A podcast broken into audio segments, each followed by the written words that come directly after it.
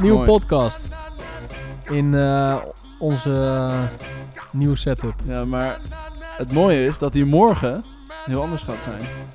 Ze zijn te vroeg. Volgende podcast weer. Ja, ja zeker. Ja, jij een bakje koffie trouwens? ja lekker. Heerlijk. Eh, goed. Ja, een nieuwe, een nieuwe podcast. Leuk dat je weer luistert. Ehm, live vanuit Rotterdam-Zuid. Zoals Eh, beloofd, vrijdag. vorige keer hebben we niet het topic hergebruik, reuse, eh, gedaan. Stom, stom, stom Want van ons. dat hadden we wel, ge- wel beloofd in eh, de podcast hiervoor. Want we zouden het hebben over de ladder van Lansing. Ja, hebben we toen ook gehad. En we hebben het topic reuse uitgesteld. Ja dat, is, eh, dat is alweer twee podcasten geleden dat we het over de airladder hebben gehad. Eh, maar we zijn één treden vergeten. En eh, nou, dat is deze. En wij kwamen erachter dat ik heel de tijd Lansing verkeerd heb gespeeld. Lansing Al die tijd. had jij al de tijd. Ja, Lansing. En het komt... Het klinkt als een Thais biertje. ja, precies. Mag ik een Lansing alsjeblieft? Maar een Lansing. Dat komt omdat het zwembad, dat ken jij ook, in Krimp aan de IJssel, Ja. de Lansing heette. Oh. Ja, dat is heb geen jij ook wel eens familie. gezwommen, toch? Gezwommen. Ja, ik ken het wel. Ik, Ja. heb, ik heb daar misschien ooit eens een keer gezwommen. Maar ik ken het, ja, ik ken het wel. Dus, eh, dus dat zat, zit zo erg in mijn hoofd gebakken. Net naar die het- brug, als je iets rechtdoor Ja, rijdt, komt klopt. die. Ja. Dus ehm, is het me altijd eh, bijgebleven als de ladder van Lansing. van het zwembad. ja, maakt niet uit. Maar goed, dat even terzijde. Heb jij nog, eh, ben je nog dingen kwijt? Heb je nog dingen meegemaakt? Sinds eh vorige aflevering. Poeh. Ehm, nou, er zijn me wel een aantal dingen opgevallen. Ehm, het viel me op dat onze conculega eh Reverb Kicks eh, uit Tilburg eh, ermee stopt. Ja. Dat kwam een beetje als verrassing voor me. Wel jammer, want ehm, nou ja, deden we natuurlijk wat dat betreft, deden we dingen in dezelfde hoek. En ehm, hadden ja, ook contact. ja, we hadden contact. Ja. En ik vind het wel jammer, want eh nou, we waren tof bezig, leuke gasten. En ehm, ja, wel jammer dat ze, dat ze daarmee stoppen.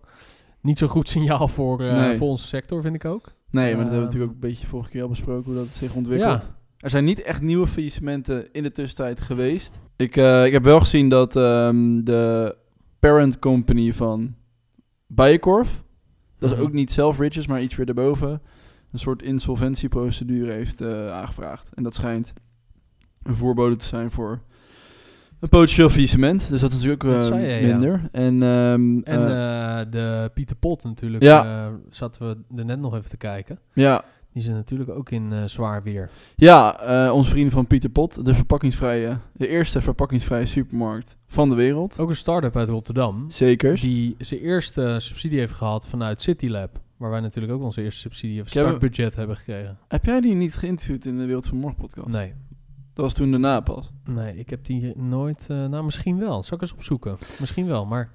Maar Het goed, heeft niet echt indruk gemaakt als het wel zo is, maar... het weet. ook die zit in zwaar weer al een tijdje. Zijn al wat langer bezig met de crowdfunding. Dus Ja. eh, vooral eh, ga het zien, check het uit. En als je wat kan missen, support ze. Want het gaat om die systeemverandering die zij bevechten. Heel belangrijk.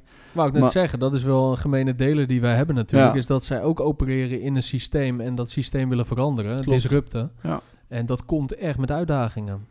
En ehm, ze hebben heel veel onderhandeld met schuldeisers, maar een van die schuldeisers, een pensioenfonds, heeft gezegd: Ja, nou is het even klaar, jongens. En ik vraag de eh, faillissement aan bij de rechter. En de rechter doet morgen uitspraak, dus dat is erg spannend. Als we, we nemen op woensdag op, dus donderdag eh, doet de rechter uitspraak. Ik hoop echt dat ze het redden, eh, want het is heel belangrijk. Waarom denk jij dat het. Wat denk je dat een van de grootste uitdagingen is van Pieter Pot? Ehm, ja, dat is denk ik uiteindelijk gewoon concurreren met, eh, met de gewone supermarkt. En ehm, ik denk dat het allermoeilijkste is. Maar dat weet jij misschien beter, want jij zit dieper in de Pieter Pot materie.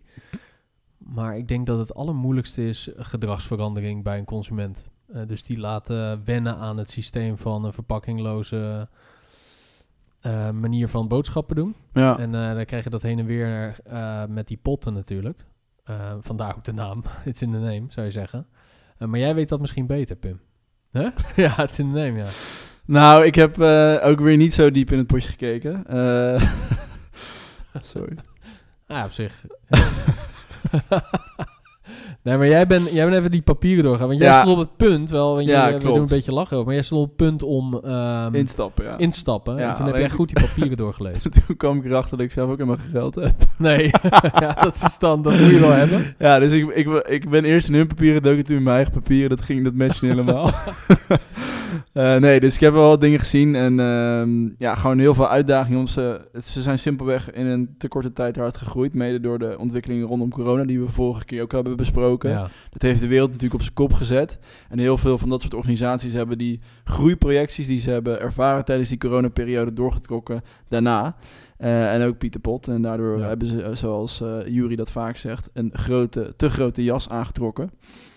En we zijn nu wat kleiner, dus ik hoop echt nogmaals eh, dat het lukt. Nogmaals, als jullie wat eh, te missen hebben, je kan volgens mij al vanaf 100 euro instappen. Nou, moet je nagaan. Als ik dat niet doe, heb ik heel weinig geld. Dure maand, hè, kerst. ja. Eh, maar goed, dus dat. En wat me Nou, ook... maar goed, nog heel even over die, dat is wel echt precies wat die lading dekt. Dat is dat, die te grote jas die aangetrokken is tijdens die coronaboom in 21. In En totaal heeft van 12 miljoen opgehaald zo. Ja, en dat zie je bij, nou, de- ik hoor dat nu hier en daar is dat heel veel bedrijven daar ook op in hebben gespeeld. En die nu dus weer naar beneden moeten schalen. Dus, dus eh nou, ontslagronde, Mm. eh, de ontslagrondes zijn begonnen omdat die productie zo hoog lag in 21 en eh, de wereld, het einde van de wereld eraan eh, zag te komen en iedereen was thuis en heel veel sectoren hebben daarvan geprofiteerd, maar zijn daar ook op gaan anticiperen in hun ehm, nou, voorspellingen naar de jaren daarna. Ja, en dan zie je dat nu door economische, ehm, economische ehm, invloeden, ja, dat eigenlijk in, al een aantal jaar, sinds 21, een, een dalende lijn eh, zit. Maar ja, je zit wel met die hele organisatie die je hebt opgetuigd die grotere jas, maar die heb je niet meer nodig. Dus dat is best wel eh, alarmerend. Die je nu, en, en de effecten daarvan ga je nu langzamerhand zien bij grote bedrijven. Ja, en ik zit even te kijken naar... eh, ondertussen zoek ik even op... eh, want Spotify, die heeft ook... ehm 17% van hun totale workforce gaan ze ontslaan. En ik weet nog wel... Ik las iets dat hij iets zei over... dat er te veel werknemers zijn... of, of mensen die...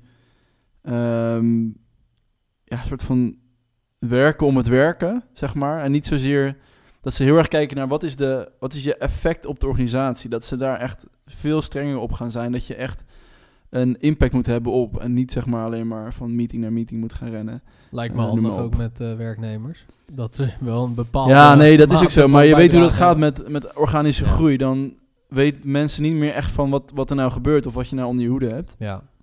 En dat is heel triest, hè, nogmaals. Want dat hadden we het over Friesland Campina. Is natuurlijk ook weer... eh, Ja, want ja, dat, eh, het zat in RTL Z ook een stukje van Ja. Pieter Pot. En daarvoor, dat item daarvoor was toevallig over Friesland Campina... die volgens mij 1800 banen eh, Ja. gaan schrappen. Maar van 900 in Nederland. 900 in Nederland. Maar goed, dat is natuurlijk wel echt verschrikkelijk nieuws. Zeker net voor de feestdagen. Ik zie het in Amerika ook. Toevallig vanochtend las ik iets over Hasbro. Dat is... De game. De games, ja, dus spellen. Ja, de spellen. Ehm, dat is een heel groot beursgenoteerd bedrijf in. Amerika. ehm, die bordspellen en zo maakt. En ehm, nou, die zijn ook eh, bezig met een grote ontslagronde. Omdat ja, in 21 ook die bordspellenmarkt en spellenmarkt zo groeide. ja. Ze hebben ook die grotere jas aangenomen. En nu eindelijk eh, zien ze dat ook. Want eerst, eh, die productie is wel doorgezet. Nou, daar hebben we het vorige podcast natuurlijk ook over, over gehad bij Nike en zo. Ja, en nu zien ze van, oh, de afzet is er niet. Dus moeten we gaan kutten in kosten. Want de omzet, eh, die matcht niet. Efficiëntere organisatie. Ja, dus eh, nou ja, dat is misschien een logisch gevolg van, ehm, ja, van een toenemende economie in, in die 21, 2021 eh, periode. Eh, nu een beetje een downward spiral natuurlijk. Een maar het is geen economische podcast. Nee, Dat- op een positieve noot. Ehm, Zara gaat pre-owned uitrollen in meerdere markten. Nee joh. Ja, Oh, dat is ongelooflijk. Wij hadden het natuurlijk in de podcast of in een ander item over de grootste Zara van Nederland. In onze van de stad, wereld, die in onze stad inderdaad gevestigd is. En wij dachten allebei, 8000 vierkante meter, waar is het stukje pre-owned? Maar blijkbaar gaat het dus wel komen. Ehm, en dat is ook een beetje in lijn met het topic wat we vandaag gaan behandelen natuurlijk.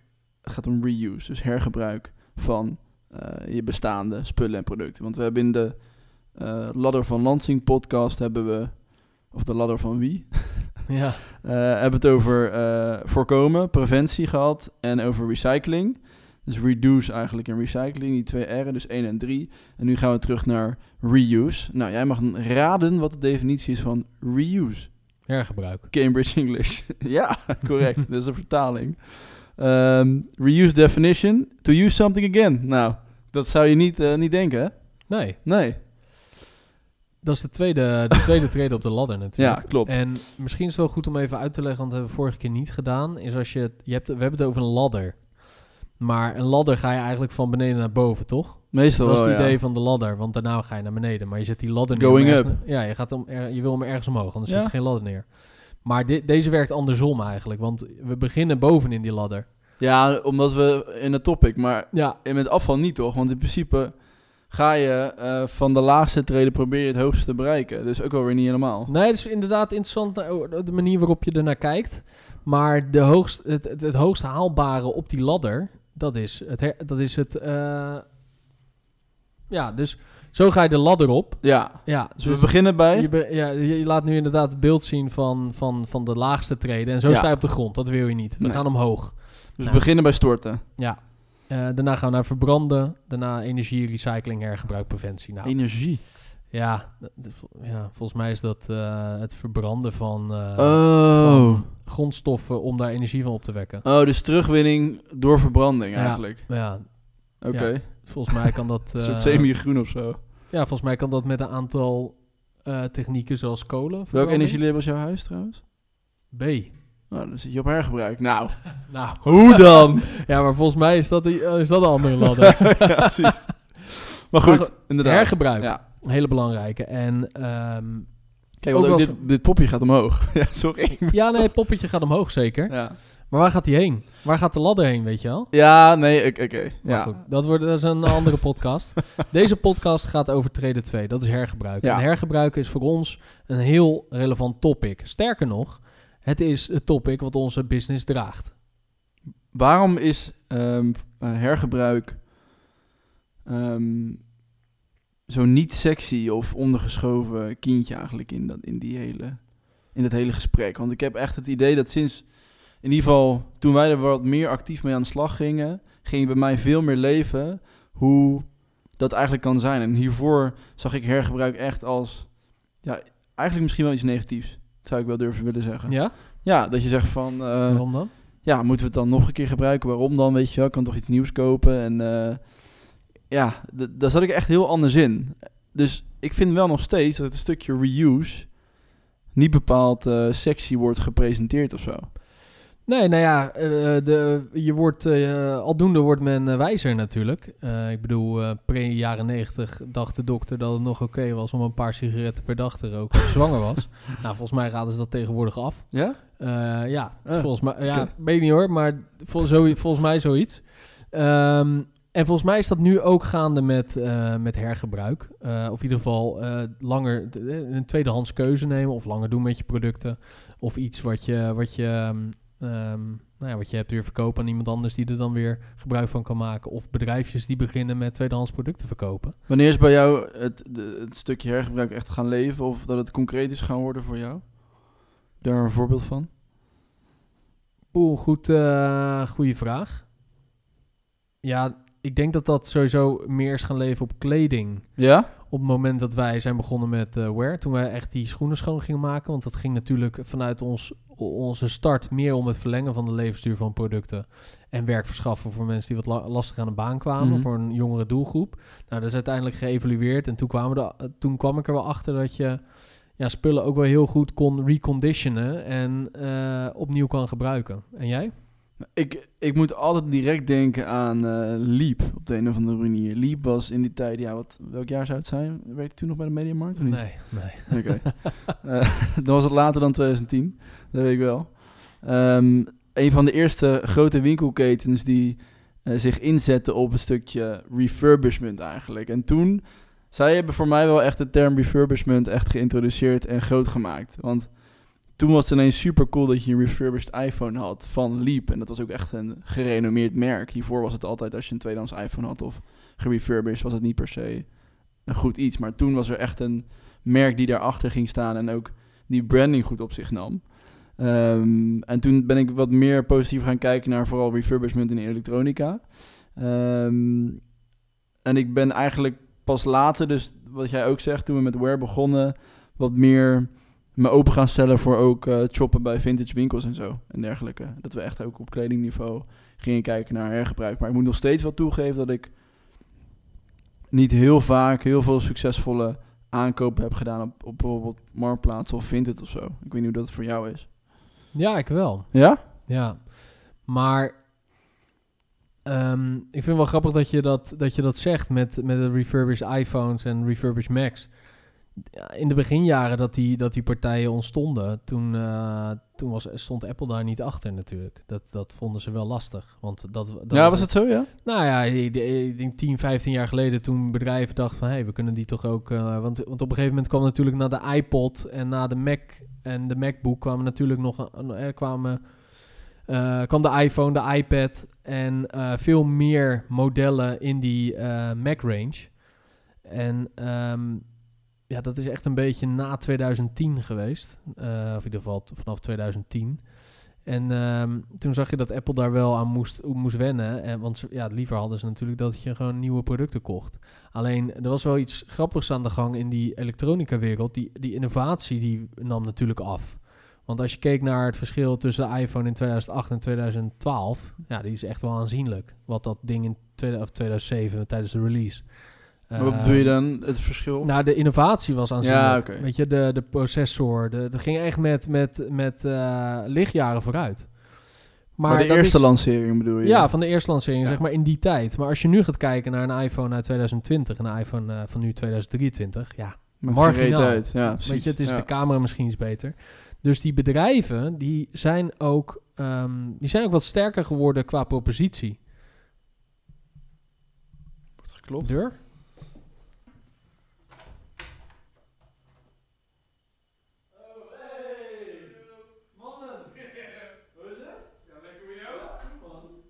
Nou, dan werden we even onderbroken door, eh door Romario. Onze grote vriend. Ja, onze oud-medewerker, eh, onze, nou, onze ster uit de winkel, mogen we Ja, zeggen. Leuk dat kent hem niet? Ja, echt. eh, Leuk je we weer te zien als je het luistert, Mario. eh shout-out naar jou. Zeker weten. Maar waar waren we gebleven? Nou, we waren gebleven bij... ehm, ehm, Ja, reuse sowieso. ja. of eh, hoeveel, hoe vaak heb je wel succesvolle re, eh, eh, tweedehands aankoop gedaan op Vinted? En dat is Marktplaats? Ja, dat was het, ja. ja. Ehm, nou, Vinted heb ik, ehm, daar heb ik wel eens regelmatig iets op gekocht. Maar dat zijn dan hele specifieke items. Eh, ik Kun je daar ook kaart- op kopen eigenlijk? Nee, Oh, Oké. nee. Daar heb je wel echt specifieke marketplaces voor. Card Market, Duitse partij, gigantisch. Ja? Ja, niet normaal. Daar zit zoveel geld achter. Maar Serieus? ja. Maar ehm ehm Vinted heb ik wel eens wat specifieke items op gekocht. Zoals die Carhartt eh, jas, weet je wel. Die oude die ik heb laten repareren. Nou, die is heel vet geworden. Ja, en, die had, ehm, en nog een aantal andere specifieke dingen. Bijvoorbeeld die eh, kimono van eh, Levi's. Die had ik daarop gevonden. Die van dat goede denim. Maar ehm, ja, dat, dat is eigenlijk wel... Oh ja, en ik was aan het vertellen van Leap natuurlijk. Ja. Is, is wat ik, dat, dat- wilde ik nog even afmaken. Eh, we hadden het over die innovatiecurve van Juist. Apple die afgenomen is. En de iPhone in 2020 ziet er wel dras, ziet er helemaal niet zo drastisch anders uit dan die van 2023. Dus wat dat doet voor de markt van het refurbishen van die elektronica, is dat het helemaal niet zo gek is als jij gewoon een 2020 modelletje koopt, die gewoon goed onderhouden is, gerefurbished met onderdelen van Apple. Want tegenwoordig zijn die partijen natuurlijk allemaal backed bij Apple. Eh, ze kunnen allemaal Apple ehm, onderdelen inkopen. En dan hoef jij helemaal niet de nieuwste te hebben. En dat was in 2007 tot en met 2015, 16 was dat wel anders. Ik heb zelfs nog een keer voor een eh, Apple Store gelegen, voor een nieuwe iPhone. De iPhone 5 Gelegen? release, ja. Heb je, ge- heb je gecampt? Ja, ja. Aardig iPhone 5 release. eh, dat is 2016 geweest, denk ik. Ehm, Dat is wel lijp, maar, maar weet je, en toen wilden mensen echt de allernieuwste. Want die hadden een nieuw design. Die hadden, weet je, er waren altijd gigantische stappen. Dus ik denk dat voor het refurbishen van elektronica, omdat die verandering van dat product niet zo groot is, dat dat, dat, dat echt een, een hele interessante markt is. Als je dan naar onze markt kijkt, de sneakers, daar is eigenlijk wel iets anders aan de hand. Want wij zitten in mode. En mode is trendgevoelig. En trend Ja, dat is, ja. is tijdgebonden. Dus hoe gaat die markt veranderen van het tijdgebonden, tijdgeest, trend, invloeden, Seizoenen. cultuur, seizoenen, naar meer zo'n markt als vergelijkbaar met elektronica. Dat het eigenlijk niet meer uitmaakt of je nou een nieuw modelletje hebt Air Max of een wat ouder modelletje Air Max. Ja, ik ben ook zo benieuwd of we ooit naar die naar een soort van ja een soort van constante gaan. Wat is dan? Ik ben altijd een beetje op zoek naar de constante binnen fashion en de constante is wel een beetje natuurlijk dat alles eh, qua trends wel weer terugkomt. Dus alles gaat in een soort van eh, cirkel. Ik bedoel, we zijn allemaal op zoek naar vintage, eh, vintage dingen. Dat vinden we tof. Ook van wat oudere, oudere kleding, want die is vaak van betere kwaliteit. En ook dingen die weer vanuit, dat, dat zien we nu heel erg vanuit de, de 90s trends weer helemaal, helemaal terugkomen. Ook eh, worden beïnvloed door ja, documentaires en, en, en cultuur, wat je net zegt, culture, dat soort dingen. Ja. Ehm, maar het is wel inderdaad zo jammer eigenlijk dat we allemaal zo afhankelijk zijn van die seizoensgebonden producten. En dat we zo erg op zoek zijn naar wat is het volgende, wat is het nieuwe. En dat Ja. zie je terug op die fashion weeks. Dat het zo erg gepusht wordt op weer een nieuwe collectie, een nieuw dit, zus, zo. Ja, En dat vind ik wel eens vind ja. ik ook wel lastig. En ik vind het ook wel bizar dat, hoewel iedereen weet dat we meer moeten doen met hergebruik, ook binnen kleding, maar überhaupt over het algemeen, springen dan toch weer platforms zoals zo'n Tem- Temu of Temu en dat soort Mhm. dingen groeien weer als kool eh, over dat soort eh, trends heen. Dat vind ik altijd zo bijzonder. Kijk, een iPhone uit eh, 2020, die, die kan niet in de mode zijn, weet je. Een iPhone is niet in de mode. Uit een bepaald jaar. Dat is gewoon Nee, een functionaliteit. een telefoon. Ja, je wil Ja. misschien een goede camera of je wil eh, gewoon kunnen appen. En de andere wil Dat is ook wel veranderd camera. hoor, want hiervoor was het zeker wel een meer modeding. Het was een statussymbool. Had je een Blackberry, het was ook een Ja. statussymbool en Ja. een modeding, zeg Zeker maar. weten. Ik ook hoor, als ik eh, weer een nieuw abonnement kon afsluiten. En eh, toen, Nu was er nog telefoontje geen, erbij. ja, toen was nog geen BKR-registratie. Dat is nu wel telt anders. Het, telt het nog niet mee eh, op, je, op je hypotheek. Ehm, ja, weet je, een nieuw modelletje. En eh dan was je wel de man, ja. Als jij dat, als jij dat nieuwe design had. Ja. Dat was wel een statussymbool. Tegenwoordig is dat, is dat een beetje afgenomen. En ehm, ik, zie- ik, zie dat, ik zie dat ook wel een beetje in fashion. Ik ben benieuwd ook eh, hoe jij dat ziet. Want ik zie wel dat we in fashion gewoon ja, golven hebben. Dus die golfbewegingen van wat, wat in de mode is en wat niet. Maar dat is mode. Dat is mode gedreven, stijl gedreven. ehm, dat is actueel, dat is tijdsgebonden. Daarnaast heb je een lijn van consumenten die functioneel kleding kopen. Dus oh, ik moet schoenen hebben, want dan moet ik oplopen. Ja, klopt. Nou, ik eh, ook wel sneakers. Nou, eh, voor, voor- dan maakt het niet uit wat voor model, kleur of wie hem aan heeft gehad op TikTok. Dus die functionaliteit, in functionaliteit is misschien veel meer te behalen, zeg maar, in de functionaliteitsconsument op het gebied van reuse. Omdat het hun niet heel erg uitmaakt of het in de mode is of niet. Ja, maar ook wel weer niet, want je ziet ook dat mensen die graag bijvoorbeeld exclusieve items kopen, ehm, dat ook tweedehands doen, omdat ze het maar willen hebben. Dus dan worden tweedehands Louis Vuitton tossen gekocht voor 1000 euro minder dan de originele prijs. Of we hadden het net vanmorgen hadden we het over eh, eh, pre- pre-owned eh, vintage watches. Weet je, gewoon horloges die dan Ja. worden gekocht, omdat het dan toegankelijker is dan, eh, dan niet. En dat is niet echt utility. Maar daar is wel iets grappigs aan de hand. Want dat vind ik wel heel, als je het hebt over reuse, is die items worden meer waard naarmate ze ouder worden. Dat is grappig inderdaad, ja. Ik, eh, trading cards, kaarten van Magic the Gathering Ook uit tweedehands. 1993, die zijn, die zijn eh, tienduizenden keren meer waard dan dat ze toen waren. En hoe vaak hebben mensen die in hun handen gehad soms? Ja, maar bij, in onze markt is, is eigenlijk eh, de omgekeerde aan de gang. Ja. Eh, bij ons zie je dat een schoen goedkoper moet aangeboden moet worden, omdat die ouder is. En ik zeg niet dat een eh, Puma Vicky dezelfde heritage heeft als een nee. Submariner Nee, 5513. Want ook in de schoenenmarkt hebben we natuurlijk ook de original Game Worn Air Ja. Jordans, dat soort Ja. dingen. Maar dan bijvoorbeeld die vintage watches, die, die hebben het over patina. Dat is een term die ze gebruiken in ehm, gebruikte Hoe? producten. Patina. Patina. Ja, dat is in, hoe maat, eh, in, in wat voor mate eh, het zichtbaar is dat het oud is. Dat wordt ook wel in andere sectoren Mhm. gebruikt van tweedehands producten. Waarbij het, nou in het gekke geval van eh, bijvoorbeeld een, een, een vintage Rolex, het juist meer waard is als je ziet dat die is gebruikt om te duiken. En dus een patina heeft van het duiken en dus die heritage. Echt de utility De- is ge- ge- ge- gedaan, zeg maar. En dan heeft het er juist een premium op een, eh, zeg maar, een pristine model. Ik vind dat heel interessant. Dus Het is, het is, het is heel erg Ja, Want je zegt veranderlijk. pristine en Pet- Pet- petunia? Patina. Patina. Patina, ja. Patina en pristine. Wat, zijn, Ja. wat is dat? Nou, pristine is gewoon zo, eigenlijk zo goed als nieuw. Ah, ja. Dus dat het gewoon goed mooi eruit ziet, pristine. En patina is dat het een, een mooie mate van eh, wear heeft, van oudheid. Ja, van. Dat je ziet dat het gedragen is. En Zie je dat ook terug in kleding? Ja, want dat is bij dat Carhartt-jasje van mij natuurlijk ook. Dat zijn die pre-Bangladesh Carhartt Made in USA jassen. Die zijn nu eh, volgens mij nog duurder geworden omdat iedereen ernaar op zoek is. Ik heb niet zo va- vaak aan. Maar eh, Sterker nog, hij hangt hier al een jaar. ja, hij hangt er al een jaar. Waarom maar- eigenlijk? nou, hij ligt, hij ligt in de auto. ja, ik weet niet. Hij hing eerst hier een Ja. jaar, en nu ligt hij al een jaar in de auto. Maar De Matthew McConaughey Interstellar eh Jaka, zeg maar. ja, maar die is super, daar zit superveel patina op. Die is helemaal gedragen en mensen vinden dat vet. Jij hebt uh, Sashiko eh repair gedaan, toch? ja. Ja, ook wel sick. Ja, maar weet je, en, en dat zie je nog niet echt in onze, in- met ons product, dus met, met de sneakers. Want in die sneakermarkt is het eigenlijk, het moet zo pristine mogelijk, dus zo goed mogelijke kwaliteit en het liefst nog in de originele doos. Wat ge- daarentegen wel weer grappig is, is dat je ehm, die, eh, hoe heet die sneaker ook weer uit Italië, die er zo super gedragen uitziet. Ehm, Golden, eh, Golden Goose. Golden Goose, ja. Golden Goose. Ja, dat merk, ja. En nu zitten we in een, ehm, eh, ook weer in een trend waarbij we ook weer naar heritage gaan. Waarbij Diadora zegt, we maken een heritage line en eh, bij deze eh, ziet hij er gedragen uit. Bij Golden Goose ook. Balenciaga lanceerde toen die trash sneaker, Ja. weet je nog? Met de Ehm, waanzinnige marketingcampagne van Leger Zels daar tegena- Ja, tegenover. waanzinnig.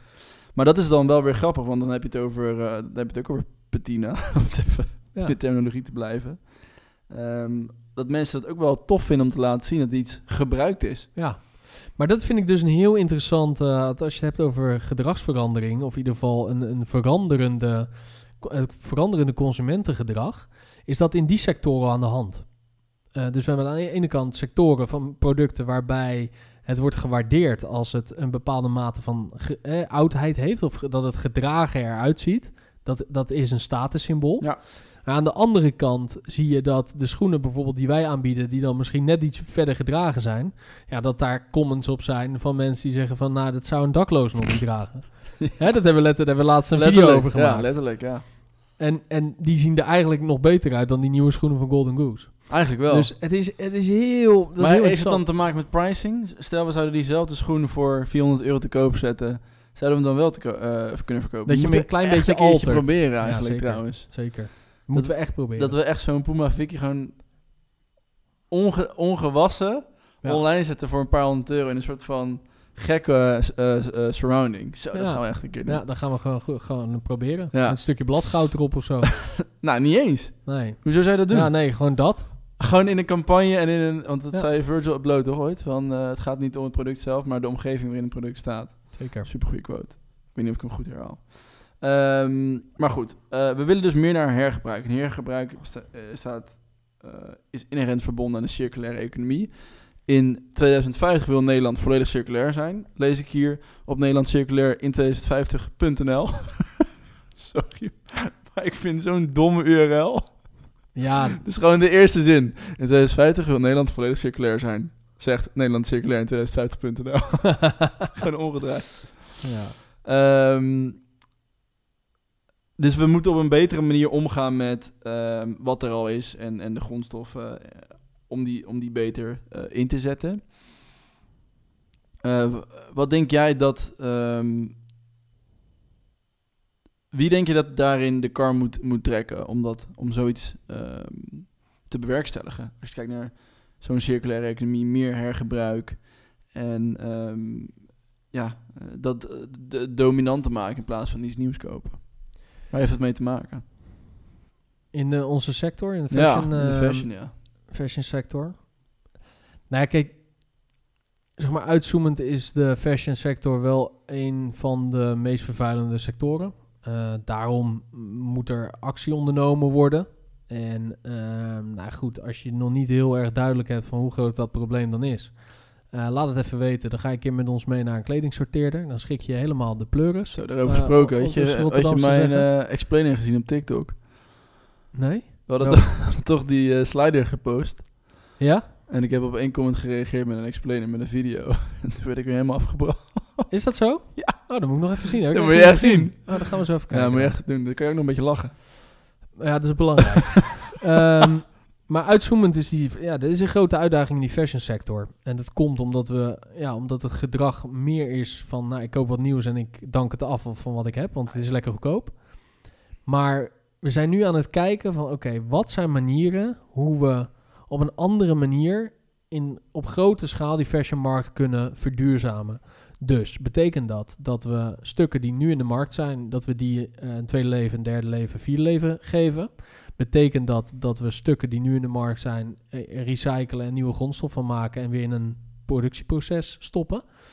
Eh, betekent dat dat we minder moeten gaan produceren sowieso. En dat we daar vanuit de Europese Unie eh, sancties op leggen. Dus dat, je- dat je qua, als je een brand bent, maar tot een bepaalde hoeveelheid aan de hand van, weet ik veel, inwoners van Europa mag produceren. Ik weet het niet, ik zeg maar wat. Nee, ja. Wat, wat wordt zeg maar de manier?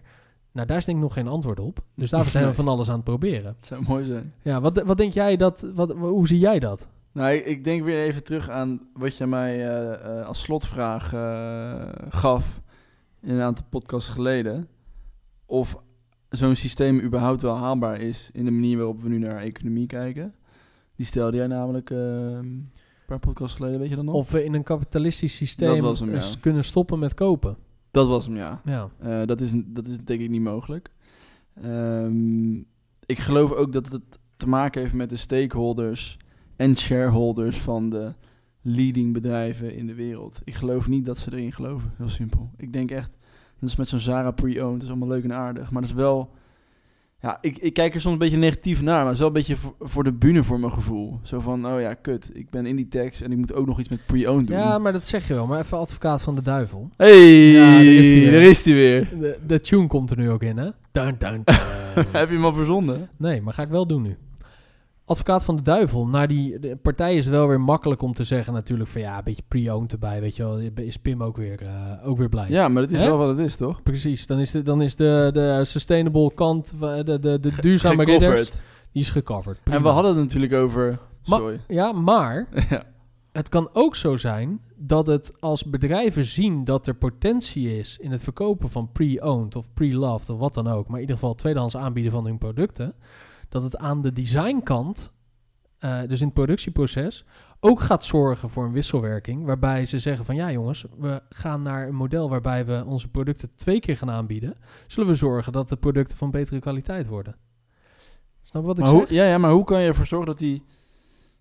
ehm, want eigenlijk, om het ultiem te maken, ook voor dat soort grote partijen, zou je die tweede sale ook moeten laten plaatsvinden namens hun.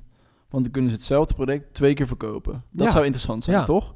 Maar je moet dan wel beter produceren. Want Ja, nu is het gemaakt om het af te danken Ja. één- na één lifecycle. Dus, je moet, dus eigenlijk zou je het zo moeten doen. Je moet meer investeren in het designproces en het productieproces. Zodat je weet dat de levensduur verlengd wordt. Betere kwaliteit. Maar dan is de vraag, hoe kan je ervoor zorgen dat die, datzelfde product ehm, door die partij die het verkoopt en maakt, twee keer verkocht kan worden? Dan zou het interessant zijn, denk ik.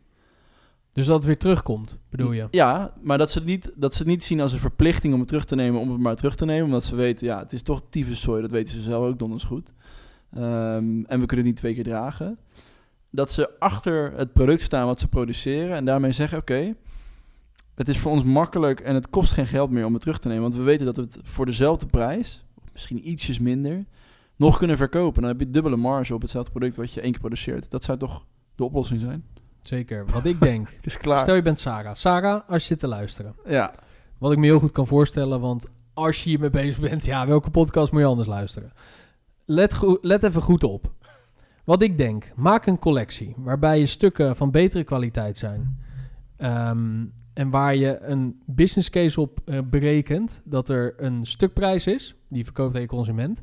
En daarin zit ook al de buybackprijs in. Dus je garandeert... Ja, nou ja, dat is nog denk ik iets anders, maar dat Oké. kunnen we ook even zo eh, behandelen, want die is ook belangrijk. De is, jij koopt een trui bij Zara. Ja. Die kost, die is van goede kwaliteit. Die kost die, wat meer dan andere collecties, maar er zit een buyback prijs op. Als jij na een jaar terugkomt en die wordt gecontroleerd, er zoveel. geen gaatjes, krijg je de buyback prijs terug. Want Sarah weet dat ze dat item nog een keer gaan aanbieden. en betere marge behalen in dat model en ook nog een duurzaam model hebben dan het afdankmodel dat ze nu hebben. Ja, want dat, maar dat kan toch alleen als je minder, als de buyback fee minder is als de productiefee? Mm, Als, je niet- zegt, kijk, je gaat berekenen, je- zou daar een berekening op los kunnen laten, is wat is de kostprijs van die trui? Ehm, wat is de prijs naar de Nou, consument? stel die is 2 euro en je Retail? verkoopt er voor 30 euro. Nou, er komen nog wat, eh, wat andere kosten bij natuurlijk, shipping en zo. Stel die trui kost effectief 5, 5 euro om te produceren. Verkoop je voor 30 euro, dan is je marge, als je hem direct in je eigen winkel verkoopt, natuurlijk 25 euro. En er zitten heel veel dingen aan die we nu niet benoemen, maar dat is even niet belangrijk. Je houdt 25 euro over. Ehm, dan, dan moet je niet voor die... Dan moet je niet zo'n buyback hebben die hoger is dan 5 euro, toch? Je moet het zo zien, qua, qua transactie zit het als volgt. Je koopt een trui als consument. Maar als consument stop jij je, je, je, je buyback zit al in die trui. Ja, ja. Die dat schiet jij ik. voor. En die geeft Sarah weer terug. oh, Dus dus, dus je, in koopt de een trui trui. inclusief, niet inclusief BTW, maar inclusief... ehm, Ja, wel alles in, gewoon inclusief. ja, oké, maar, in de los, prijs los zit al van de de BTW zit ook buyback. Ja, en die buyback, die, die, jou- jouw 5 euro leg je eigenlijk in die trui. En Ja. als jij terugkomt en je hebt die trui gewoon goed dus. onderhouden, dan krijg je gewoon die buyback terug. Dus je gaat dan naar de Zara en je krijgt dat geld gewoon terug. Want Zara weet, dat hebben we al berekend, daar hebben we rekening mee gehouden. Ja, En wij kopen dat stuk gewoon terug onder bepaalde voorwaarden. Maar zeggen we geven gewoon gegarandeerd op deze collectie altijd x eh, euro buyback. Als je Ja. binnen een periode van een jaar of twee jaar terugkomt zonder deze voorwaarden, hè, dat het kledingstuk gewoon goed is. Want dat geeft jou als consument de incentive om, om beter om te gaan met je kleding, omdat je geld ervoor krijgt. omdat jouw geld erin zit. Want je hebt het gekocht. Ja, dit is precies het staatsgeldsysteem van Nieuw Optimist. Ja, Ja, alleen statiegeld, statiegeld is eigenlijk ongeveer hetzelfde natuurlijk. Ja. Alleen gaat om lagere tarieven, denk ik. ja nee, oké, maar dat... Ja. ja, omdat je het gewend bent vanuit blikjes Ja. En flesjes. Maar dat kan je zo hoog maken als je Ja. zelf wil natuurlijk. ja. Maar dat is toch... het lijkt zo simpel, want als je als bedrijf een product, product wat al een keer geproduceerd is... dus je hebt één keer resources ingestopt om het te maken en te verkopen... en je krijgt het gewoon... Je hoeft daar niks voor te doen. Het komt gewoon naar je terug. Ja. En je kan het nog een keer verkopen in dezelfde winkel, bij wijze van spreken. Dan Ja. heb je toch twee keer marge... En misschien is de tweede keer marge iets minder, maar dat maakt er niet heel veel uit dan. Dat zou je dus moeten uitrekenen in case. En ik hoop dat er grote bedrijven zijn die de resources hebben om hier haalbaarheidsonderzoeken naar te doen. Want Decathlon om te- doet ook buyback. Ja, maar om te kijken of dat ook uitkomt, hè, want dit is theoretisch. Maar ik weet niet hoe het, hoe het zou werken in de praktijk als je dit een jaar of twee jaar of vijf jaar doet. Ja, en je zou moeten onderzoeken, wat is het minimale bedrag wat een consument ervoor terug zou willen hebben? Ja. ja. En wat is zeg maar de grens van, nou, ik heb geen zin om naar de winkel te gaan, want dat kost al te veel, dan het gewoon weg te gooien. Dus het moet misschien ook in een bepaald segment. Maar, je zegt terecht, statiegeld, eh Nieuw Optimist, Xander, eh, de oprichter van Nieuw Optimist, moeten wij hier een keer aan tafel eh, krijgen. Ja, hij belde net. Ja, nou, dat is waar, ja. Ga ik hem uitnodigen? Om hierover te praten, want hij is de initiatiefnemer van statiegeld op kleding. Samen met Heiko. eh, samen met Heiko. Dus wellicht, ehm, nou wellicht, dat gaan we gewoon doen in het we nieuwe jaar. Goed voornemen alvast. We gaan hem even uitnodigen om nou eens te, uit te leggen hoe dat zit. Ja. En gaan we eens even sparren over zo'n case.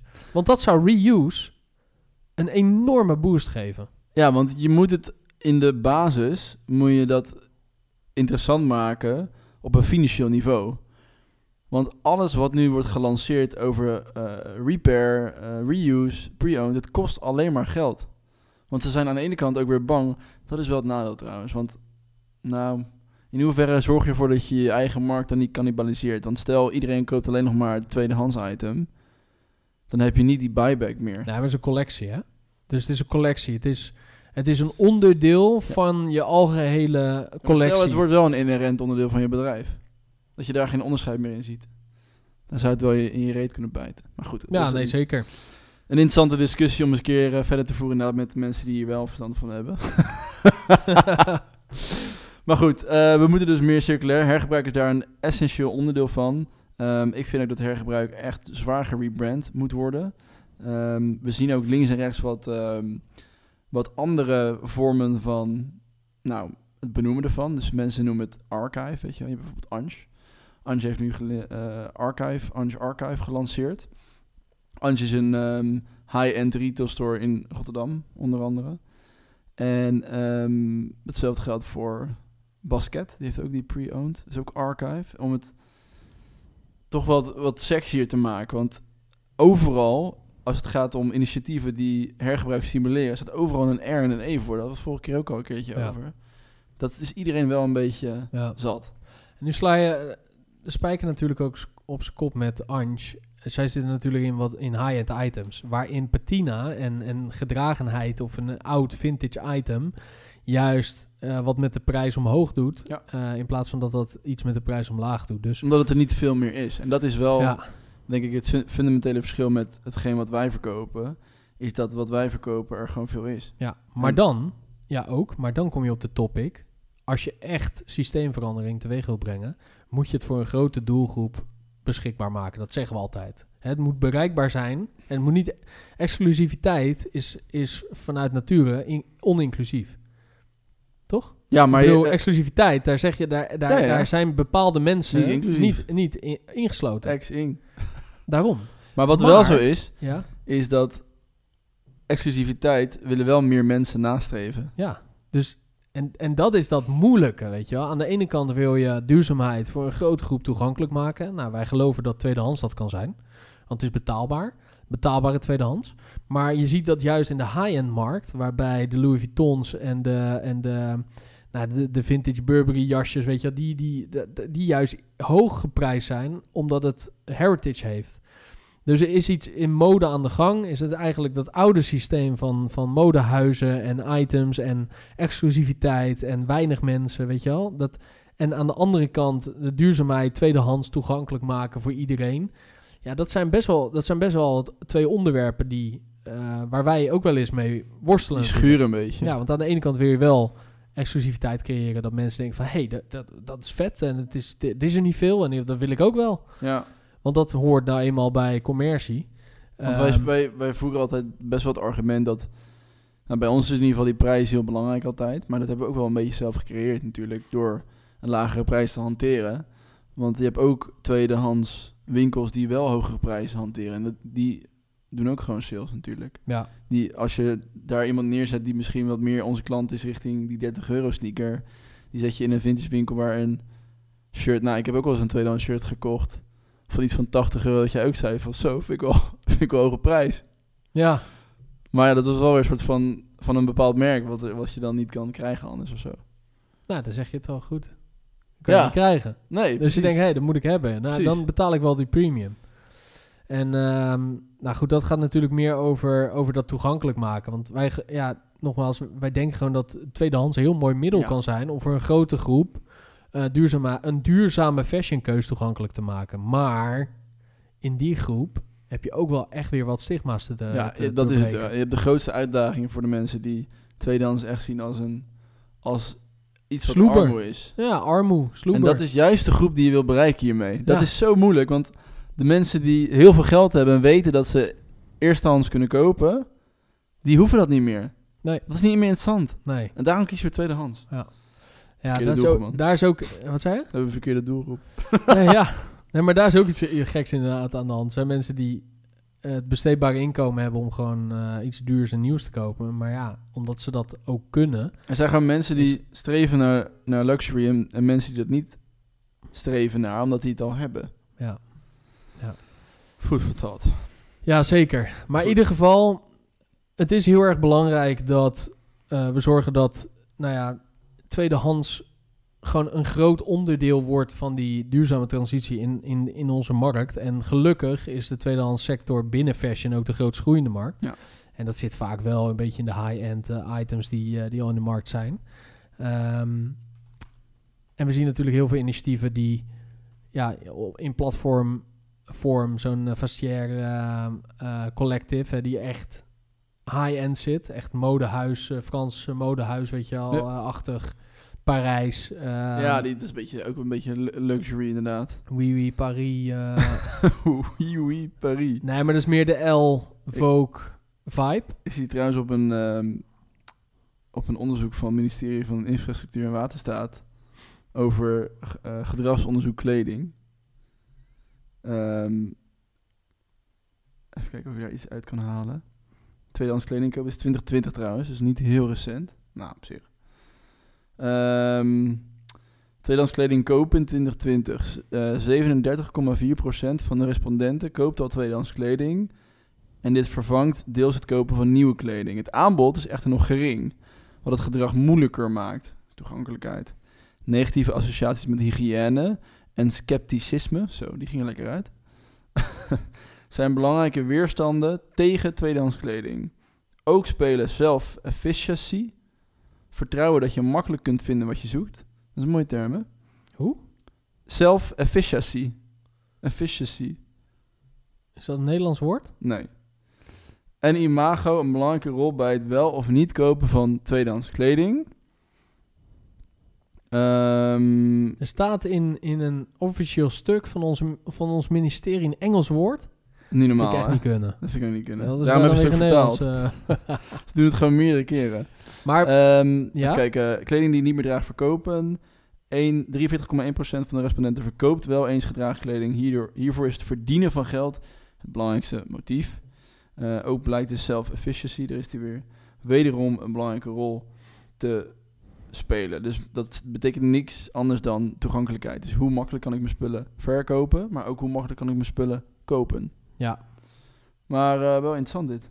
Ja, ja hoe, hoe makkelijk is het, eh, is het te vinden wat ik, wat ik, eh, wat ik zoek?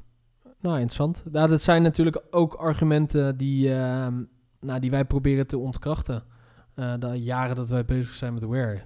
Waaronder hygiëne natuurlijk, waar we altijd over communiceren. Maak het schoon, vang het binnenzoltje, stomen het, et cetera. Die staat ook, een interessante. Minder kleding kopen, dus reduce. Het aanbod van fast fashion is enorm en vaak nieuwe kleding kopen is sterk gewoontegedrag. Ons imago is een belangrijke weerstand tegen het kopen van minder kleding. Acceptatie door anderen, door een goed imago, elke dag iets nieuws dragen, is een sterke behoefte. Een motief voor het kopen van minder kleding is te besparen van geld. Dat is ook wel grappig, want als je het hebt over ehm, dat soort dingen en ook als je kijkt naar rolmodellen, ik weet nog wel, mijn, ehm, mijn moeder is een groot fan van Blauw Bloed, dat programma. Dat is helemaal gefocust op Koningshuis en dat soort dingen. Mhm, ja, ik ken het. En ehm, daar ging het dan altijd over de outfits van de royals. Ja. En als ze dan twee keer iets, iets hetzelfde dragen, daar werden krantenartikelen over geschreven. Ja. Van Ja. hoe het kan en armoe en dat soort dingen. Dat is toch ehm, van de zotte. En hier staat ook in, grappig, dat eh, lok het nieuwe gedrag uit met een challenge. Gebruik social proof met rolmodellen. Dus dat is ook wel grappig. Maar goed, ehm, interessante data. En wat je zegt, ehm, fijn om te zien dat de tweedehands kledingmarkt hard groeit. Ehm, is dat tegelijkertijd een probleem trouwens, dat het zo hard groeit? Dat er weer zoveel op de markt komt en te veel is? Om, Ja. weer, om weer nieuw gedrag. Want eh, als je het hebt over reduce. Ja, kijk, het is niet de, het is niet de bovenste treden. Het is niet de bovenste ladder eh, treden, weet je. Dus ja, natuurlijk, dat eh, zorgt voor discussie. Maar kijk, als jij de bal niet hebt, dan kunnen, kunnen zij scoren. scoren? Ja, precies. En als je scoort, dan win je niet.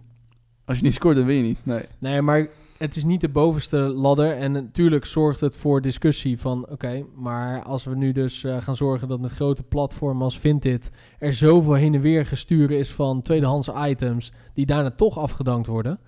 ja, is dat dan wel... gaat dat dan over tien jaar dan de, de, de- het probleem hebben opgelost? Het is ook weer advocaat van de duivel hoor. Ik weet het niet. Maar ieder, geval- wat ik wel weet is dat er, als we niks doen... dat we ook niet erachter komen wat dan wel de oplossing is. Nee. Dus hè, failing forward is gewoon elke dag ehm, nou, een, een fout maken. En gelukkig doe je net iets vaker iets goed dan dat je fouten maakt, want anders gaat het fout. maar dan gaat het goed, toch? Als je vijf keer eh, goed doet en je doet het vier keer fout, dan doe je het ja, in het gemiddelde je moet goed. vaker blijven opstaan. Ja, dan eh, En- blijven liggen. Maar vind je het ook niet grappig dat eh, consumenten eigenlijk deze wereld zelf hebben gedemocratiseerd zonder dat ze het weten? Want hiervoor werd de hele fashionmarkt gedomineerd door een aantal retailers. Die maakten de kleding. En alles wordt nu gefaciliteerd door platforms, waardoor consumenten, zonder dat ze het doorhebben, die hele markt creëren. Ja, maar ja, decentralisatie is natuurlijk eh, een, een, een, topic die sowieso speelt door eh, de opkomst van het internet. En eh, de opkomst en ontwikkelingen van social media en platforms. Ja, Dat is dat, dat, dat het decentraliseert. En eh, dat kan je natuurlijk toepassen. En vind ik heel mooi, mooi dat je dat zegt. Dat is, dat is natuurlijk wel gebeurd door, eh, door de Vintage en, ehm, en eh, andere platformen van deze wereld. Is dat inderdaad dat gebeurt. Het wordt gedecentraliseerd en we zijn niet meer afhankelijk van grote fashionbedrijven over het algemeen. Omdat nou, stijl in golven komt en alle stijl ook wel weer terugkomt. komt. Kamzoen heeft. Ja, en, eh, maar goed, we moeten ook wel realistisch zijn. Er zullen altijd nog mensen nieuwe kleding blijven kopen. En ehm, ik denk dat het heel druk is in... eh, maar is dat een zegen of een vloek? Nou ja, ik denk er ook wel eens over na. Net zoals dat we zeggen van die kledingsorteerders. Eigenlijk voor hun is het gelukt als ze niet meer nodig zijn. Maar Ja. een beetje gek, want dan hebben ze geen werk meer. Nee, Dat schiet niet op. Je moet ook gewoon eten, toch? iedereen moet vreten. Ja, moet, eh, moet gewoon, het licht moet aan. Maar dat is, dat, daar denk ik dus wel eens over na. Stel, wij zouden dus helemaal stoppen met kleding kopen. Heb je over tien jaar misschien helemaal niks meer om te verhandelen, tweedehands. Want er komt er geen nieuwe... Kijk, uiteindelijk wordt nieuwe kleding wordt tweedehands kleding. Volgens mij kan het ook. Hè. Volgens mij is er zoveel op de wereld dat iedereen gewoon nog gewoon de rest van zijn leven gewoon niet kan dragen. Dat denk ik ook wel. Eh, volgens mij kunnen we dat nog, eh, nog echt wel een tweede, derde, vierde, vijfde leven geven. Of aanpassen, repareren, eh, omdraaien, verknippen. Dus ehm, nee, zeker. Maar wat, wat denk jij? Is, is, dat een, is dat een vloek of een zegen? Ja, ik zit er een beetje hetzelfde in. Alleen, we zaten laatst natuurlijk naar een zoekmachine te kijken voor, voor tweedehands kleding. Ehm, en dan krijg, typ je iets in en dan krijg je bijna een ton aan resultaten op een heel specifiek eh, product. En dan denk ik bij mezelf, holy shit, Ja. dat is wel echt veel. veel meer dan je denkt, zeg maar. Dat is overal ergens beschikbaar, over heel de wereld. Ehm, en ja, dan vraag je wel eens af, ga je je doel voorbij? Ehm, maar ik geloof wel er heel erg in als we dat we er nog lang niet zijn en dat we echt, dat we eens vaker zeggen, aan het begin van die curve zijn. En dat we nog veel meer eh, eh, kunnen gaan doen op dat niveau. Ja. Ehm, maar inderdaad, er zullen altijd mensen nieuw blijven kopen. En zolang, dat is het ook, hè, zolang die kwaliteit hartstikke goed is en je kan iets 10, 20 jaar dragen, dan is daar volgens mij niet zoveel mis mee. Nee, zeker weten. Ehm, Goed om het af te ronden. Ja, ja, misschien moeten we nog eens een keer een eh, deel 2 eh, maken. Want nou, je merkt het als je te luisteren. We raken niet uitgesproken over dit onderwerp. Want dat is nou eenmaal eh, iets wat, wat we heel interessant vinden. Ja. En ja, er gebeurt heel veel in de markt. En ehm, nou ja, er, zijn, er, is echt nog, er is nog geen sleutel gevonden wat nou het model is wat gaat werken. Wat vind jij een van de meest, beloven, veel, meest veelbelovende ontwikkelingen in die markt? Als je erover nadenkt. Goeie vraag. Kan jij hem al beantwoorden? nou, eh, ik denk dat een van de meest veelbelovende ontwikkelingen, die nu nog niet, ver, die verre van veel wordt toegepast, is, is de designfase. Ja. Dus hoe kunnen we designen voor reuse? Dat lijkt me wel heel erg interessant. En hoe ziet dan de kleding eruit Ja, eh, over 100 jaar? Noem Ja. maar iets, hè. Ehm, hebben we dan nog steeds hoodies? Eh, ik denk, als je kijkt naar bijvoorbeeld, eh, over design gesproken, als je kijkt naar eh, wat- Kanye heeft gedaan met, met Yeezy, dat is ook een heel andere manier van kijken naar een product. Dat is, laat, lijkt niks op een schoen. Ja, een beetje misschien, maar ja. dat is ook natuurlijk pure vorm van innovatie. Ja, als je, als je het hebt over design, dan zitten eh, product designers of industrieel ontwerpers. Dit zijn best wel, dat is best wel een leuke baan. Lijkt me.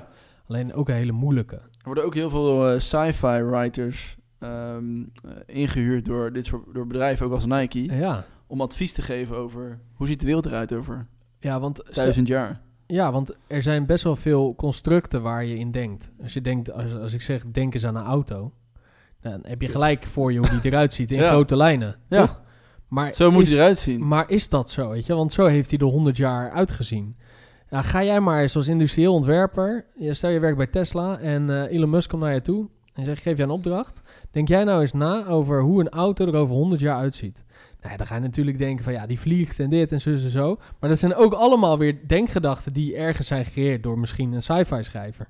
Ehm, maar dat geldt ook voor schoenen. Klopt. En wat, wat Yeezy heeft gedaan met, eh, eh, met Adidas... is natuurlijk gekeken naar meer techniek. Dus hoe kunnen we designen en hoe kunnen we... Nou, bijvoorbeeld die, eh, die eh, plastic eh, mold. Die phone runner. Die foam runner, dat is, dat is volgens mij kan dat voor extreem lage prijs en extreem snel geproduceerd worden. Ook die slippers en zo, omdat dat één mold is. Klopt. Dus dat is één materiaal en that's it. Dus dat Dus kan... met Zellerveld.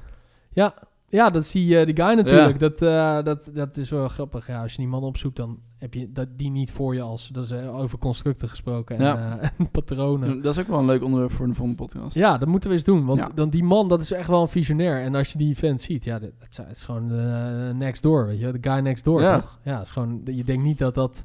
Nee, De maar man is misschien heeft hij wel die constructen losgelaten. En maakt Ja. hem dat die visionair. Ja, maar dat is, dat is zeker interessant. En ja, dat kan ook een versneller zijn, denk ik, in dat designproces. Om, ja, om anders om te gaan met die grondstoffen in het design al. Of te maken voor hergebruik.